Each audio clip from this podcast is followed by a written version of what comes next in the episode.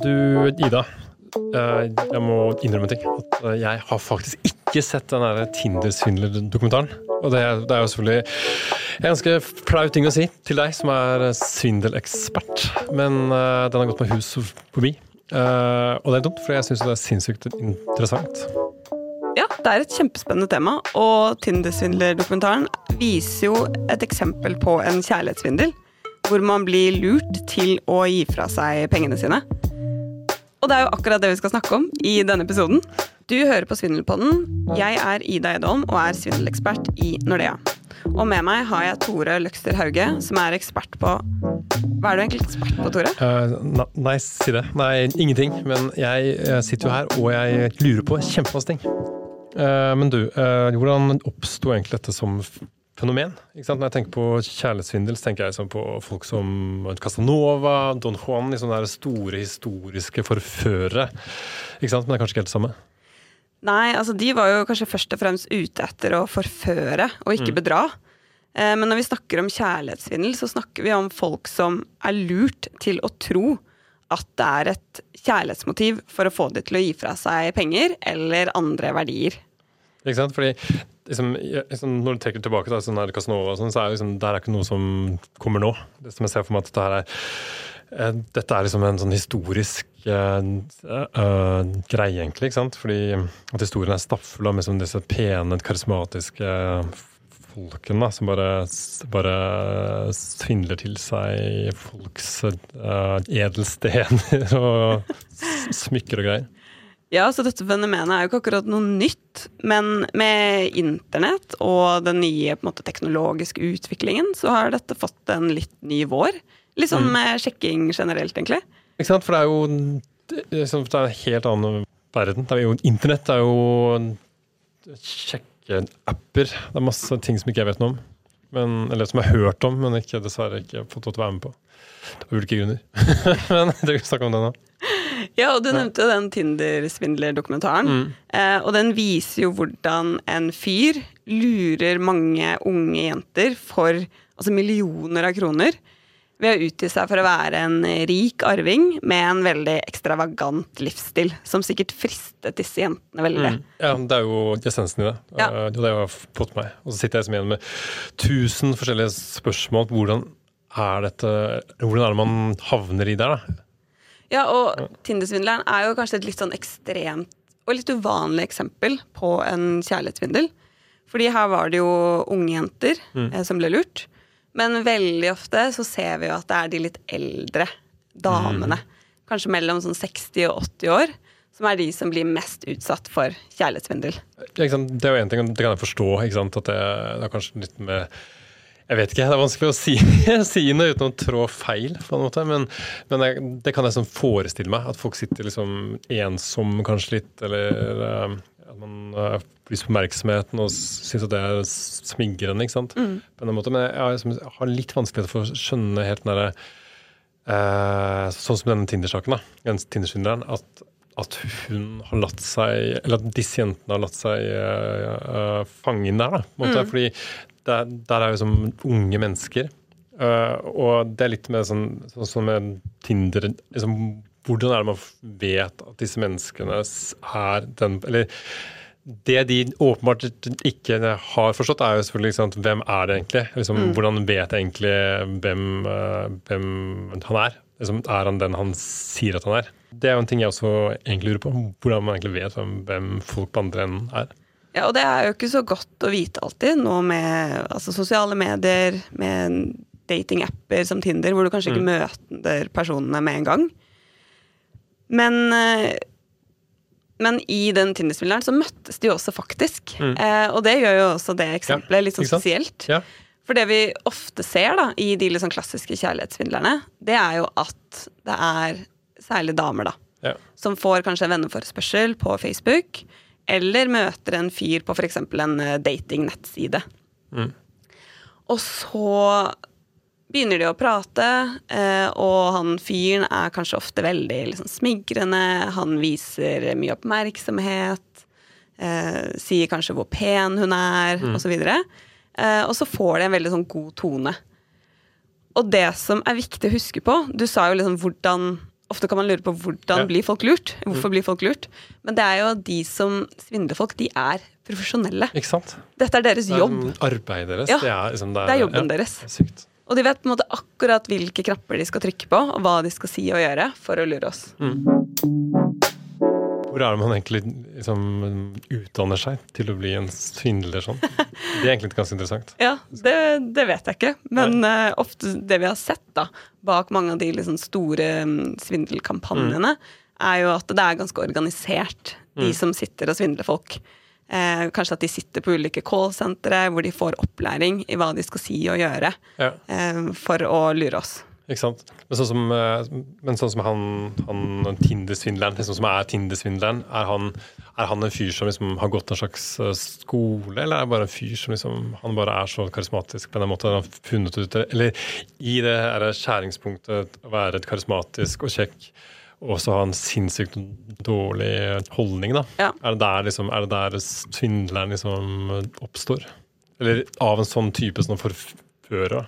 Og så er det kanskje litt mer liksom grådighet òg, når man ser at folk går på det. Ja. Så frister det til å gjøre det mer. Mm. Og det er jo også litt av problemet, og litt av det vi også jobber med i Nordea, for å forsøke å forhindre at folk går på svindel. Sant? Men først, som du sier, så utvikler seg ganske, det er seg ganske uskyldig. Det er liksom litt på Facebook og sånne ting. Når er det her utvikler seg til å bli svindel? Ofte så tar det jo lang tid før det spørsmålet om pengehjelp kommer. Altså det kan ta flere måneder, eller til og med år, hvor disse to personene snakker sammen. De utvikler kanskje bilder, forteller mye om hverandre. Eh, Så personen som blir svindlet, tror jo at de snakker med en venn, eller da kanskje en kjæreste. Og så etter hvert da, så kommer det en historie om hvorfor denne kjæresten trenger hjelp, og da som oftest i form av penger. Fordi det han ønsker, er jo å få pengene våre. Ikke sant? Eh, og da er det ulike forskjellige typer historier. Det litt sånn klassiske eksempelet er at han er en amerikansk soldat utstasjonert i et krigsherjet land. Jeg, jeg, jeg føler at jeg er hekt allerede. Ja, Så, ja. hvor han kanskje ikke har tilgang til pengene sine. Mm. Eh, og så trenger han hjelp for eksempel, til å komme seg hjem. Ja, du må bare gi han penger med en gang, tenker jeg. Ja. Kjør på. Ja. Ja. Og det er jo noe vi har sett litt nå, som man er litt redd for, f.eks. med krigen i Ukraina. At den skal bli brukt som en Mm. Ja. sånn dekkehistorie. Ikke sant? Det må være den perfekte mm. dekkehistorien. Det er ja, utrolig si kynisk, da, selvfølgelig, men ja. Det er jo veldig kynisk, og det er jo det disse personene er. Ikke sant? Du må jo være ja, ikke sant? kynisk. Det er sånn greia, du, du må være karismatisk, og du må også være jævlig kynisk. Ja. ja. Klart. Nå skjønner jeg ting. Men så kan det også, vi har også sett eksempler på hvor de f.eks. bruker, eller brukte da, koronapandemien som en unnskyldning på at eh, de hadde kanskje blitt arbeidsledige og trengte penger, eller at et familiemedlem blir syk, mm. og de har ikke råd til å betale for sykehusopphold. Og så, veldig ofte da, så er det jo damer som er ofrene.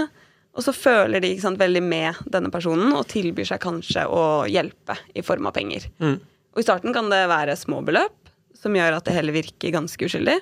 Og så etter hvert så kommer spørsmålet om mye større summer, da. Ja, ikke sant? For det, det er det ofte man tenker liksom, er sånn, eh, Eller jeg, da. Eller folk. Eller, er jo sant? Hvordan er det man går da, ikke sant? fra liksom, det er kontakten til å plutselig ha gitt masse penger. Men det er jo liksom en sånn slags sånn der- det er, liksom, Men de blir jo liksom gredd, på en måte. Ja. Ikke sant? Altså, jeg starter litt med den der eh, uskyldige eh, historien og med noen tragiske ting, og så litt hjelp, og så er det bare Og så i starten er det eh, ja, kanskje liksom en hundrings eller et eller annet, og så bygger det seg sakte, men sikkert opp. da. Ja, Vi har også sett eksempler på eh, hvor da denne svindleren f.eks. eksempel sier at han ønsker å sende en gave Ja. til denne damen. Og så sier han men eh, jeg ser at du må fortolle den for å få gaven inn i landet. Så du må bare betale meg litt penger, så jeg får gjort det. Og så sender hun litt penger i håp om at hun tror at hun får en gave. Ja. Og så kommer aldri denne gaven. Det syns jeg han kunne spandert på seg. Ja. kunne, kunne i hvert fall gjort det, da, for å bygge litt mer tillit der. Ja. Ja, det er utrolig Ja, det er ganske nedrig ting. Men så må man også tenke at disse har hatt kontakt såpass lang tid. Ja, Det er ikke så Eh, rart, liksom. Nei, så Nei. de har jo opparbeidet seg et tillitsforhold Ja. som gjør at uh, man selvfølgelig lettere stoler på den personen. Og det er også veldig viktig å tenke på i disse sakene. Mm. Uh, man kan spørre seg hvorfor blir disse personene lurt? Hvordan kan de gå på dette? Mm. De har faktisk blitt manipulert. Ja, ikke sant? For det er litt sånn at Man sitter liksom og tenker ja, men det her kunne aldri skjedd meg. Men jo Mm. mer vi snakker nå, tenker jeg sånn Shit, det her kunne jo, kunne jo skjedd meg på Ja. en måte. Hvis historien er på en måte, god nok. Og, Troverdig nok. Ja, ikke sant? Ja. Og det er jo akkurat dette de er så shit. gode på, da. Å vite hva de skal si og gjøre for å lure oss. Mm. Så de er jo profesjonelle.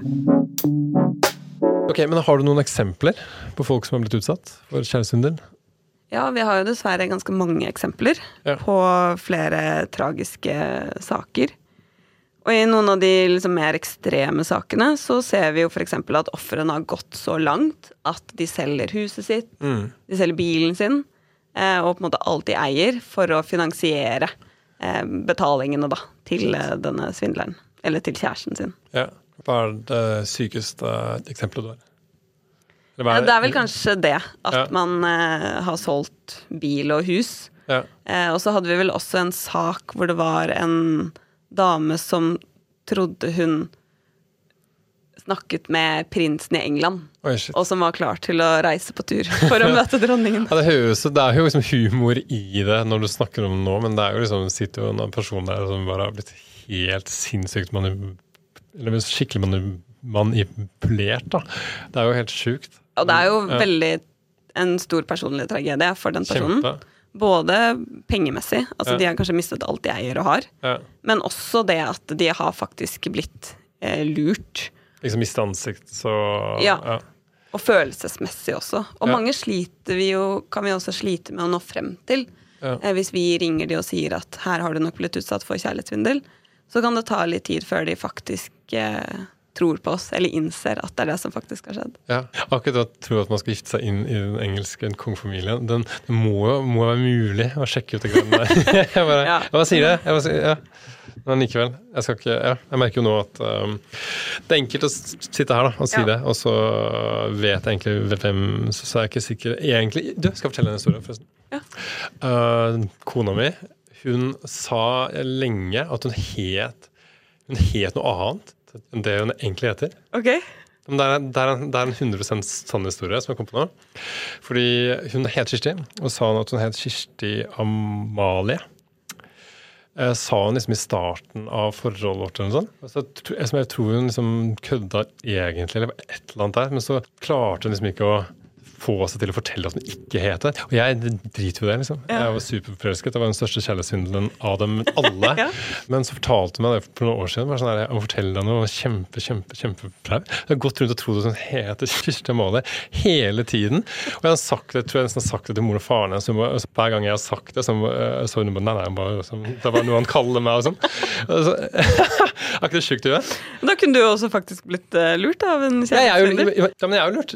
Det gikk jo på det. Aldri stilt noe, noe spørsmål ved det. For hun hadde sagt Hun sa jeg heter Kirsti Amalie, bla, bla, bla, men jeg har tatt det bort fra passet mitt. Du må ikke si det til, du, du må ikke si det til moren din, eller så, fordi hun tror at jeg fortsatt heter det. For, det sto ikke passet hennes sånn, sånn igjen. Så der, der er flere nivåer av, av kjærestesvindel. Det, det er snakk om samme dame som jeg har huslånet mitt med. Helt fucka. Det kan jeg. Det er sjukt. Ja, så jeg, jeg, skal si, jeg skal ikke sitte her jeg skal ikke sitte sin, sin, si, Hun har ikke lurt deg på penger, eh, kanskje. Hun har lurt meg for penger, for å si det sånn. Det er Ja. jo øh, ja. Hadde- ja. Jeg har lurt meg, jeg har jo mer Jeg har jo huslån nå som er sinnssykt stort. Så det har hun lurt meg. Gitt. Ok, greit, men nok om det. Men jeg skal i hvert fall ikke sitte her og, sitte og si at jeg ikke kunne blitt kjærlighetssvindlet, for jeg er jo i en gedigen kjærlighetssvindel. Du snakker om at det er ofte så gjelder det her liksom damer som er sånn 50-60 år. Men er det, er, det, er det de som er spesielt utsatt, eller er det også andre som er utsatt for det? Vi ser jo at det ofte er mennesker i en allerede sårbar situasjon som er ensomme. Eh, altså kanskje de nettopp har blitt enker, sitter mye hjemme alene. Og da er det jo kanskje særlig eldre kvinner. Men som vi har snakket om tidligere, så vet vi at disse svindlerne er profesjonelle. Og derfor vet vi også at alle kan bli lurt. Så jeg vil jo for så vidt si at hvem som helst kan bli utsatt for dette, men at man er særlig utsatt hvis man er ensom alene og i en litt sårbar situasjon fra før av. Ja, det er ganske kjipt, for er Ja, for det er vanskelig å det er vanskelig å sette opp den ekstra beskyttelsen kanskje også, hvis du er i en sånn situasjon.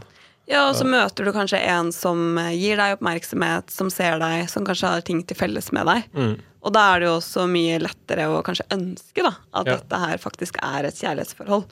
Og tro på det man kanskje ikke normalt ville trodd på. Ja, ikke sant. Eh, Du finner ut at det er en person som har en ekstrem interesse for den, liksom, for den engelske kongehuset. Ja. Da har man noe til felles. Ja. Men du, hva skal man gjøre hvis man skjønner at man først har blitt eh, svindlet? Altså Det viktigste er å si fra til noen Mm. så fort som mulig. Si gjerne fra til noen du stoler på, som du kan søke råd hos. Og så anbefaler vi også at man tar kontakt med banken sin så Mm. fort som mulig. I kjærlighetssvindel så har jo det gått penger ut av konto. Ja. Og da må jo vi forsøke å sette i gang ulike tiltak for å få stoppet pengene. Mm. Og det er jo ikke alltid så lett, fordi ofte så oppdages dette ikke med en gang. Eh, fordi det er jo personen selv som faktisk har overført penger i god tro.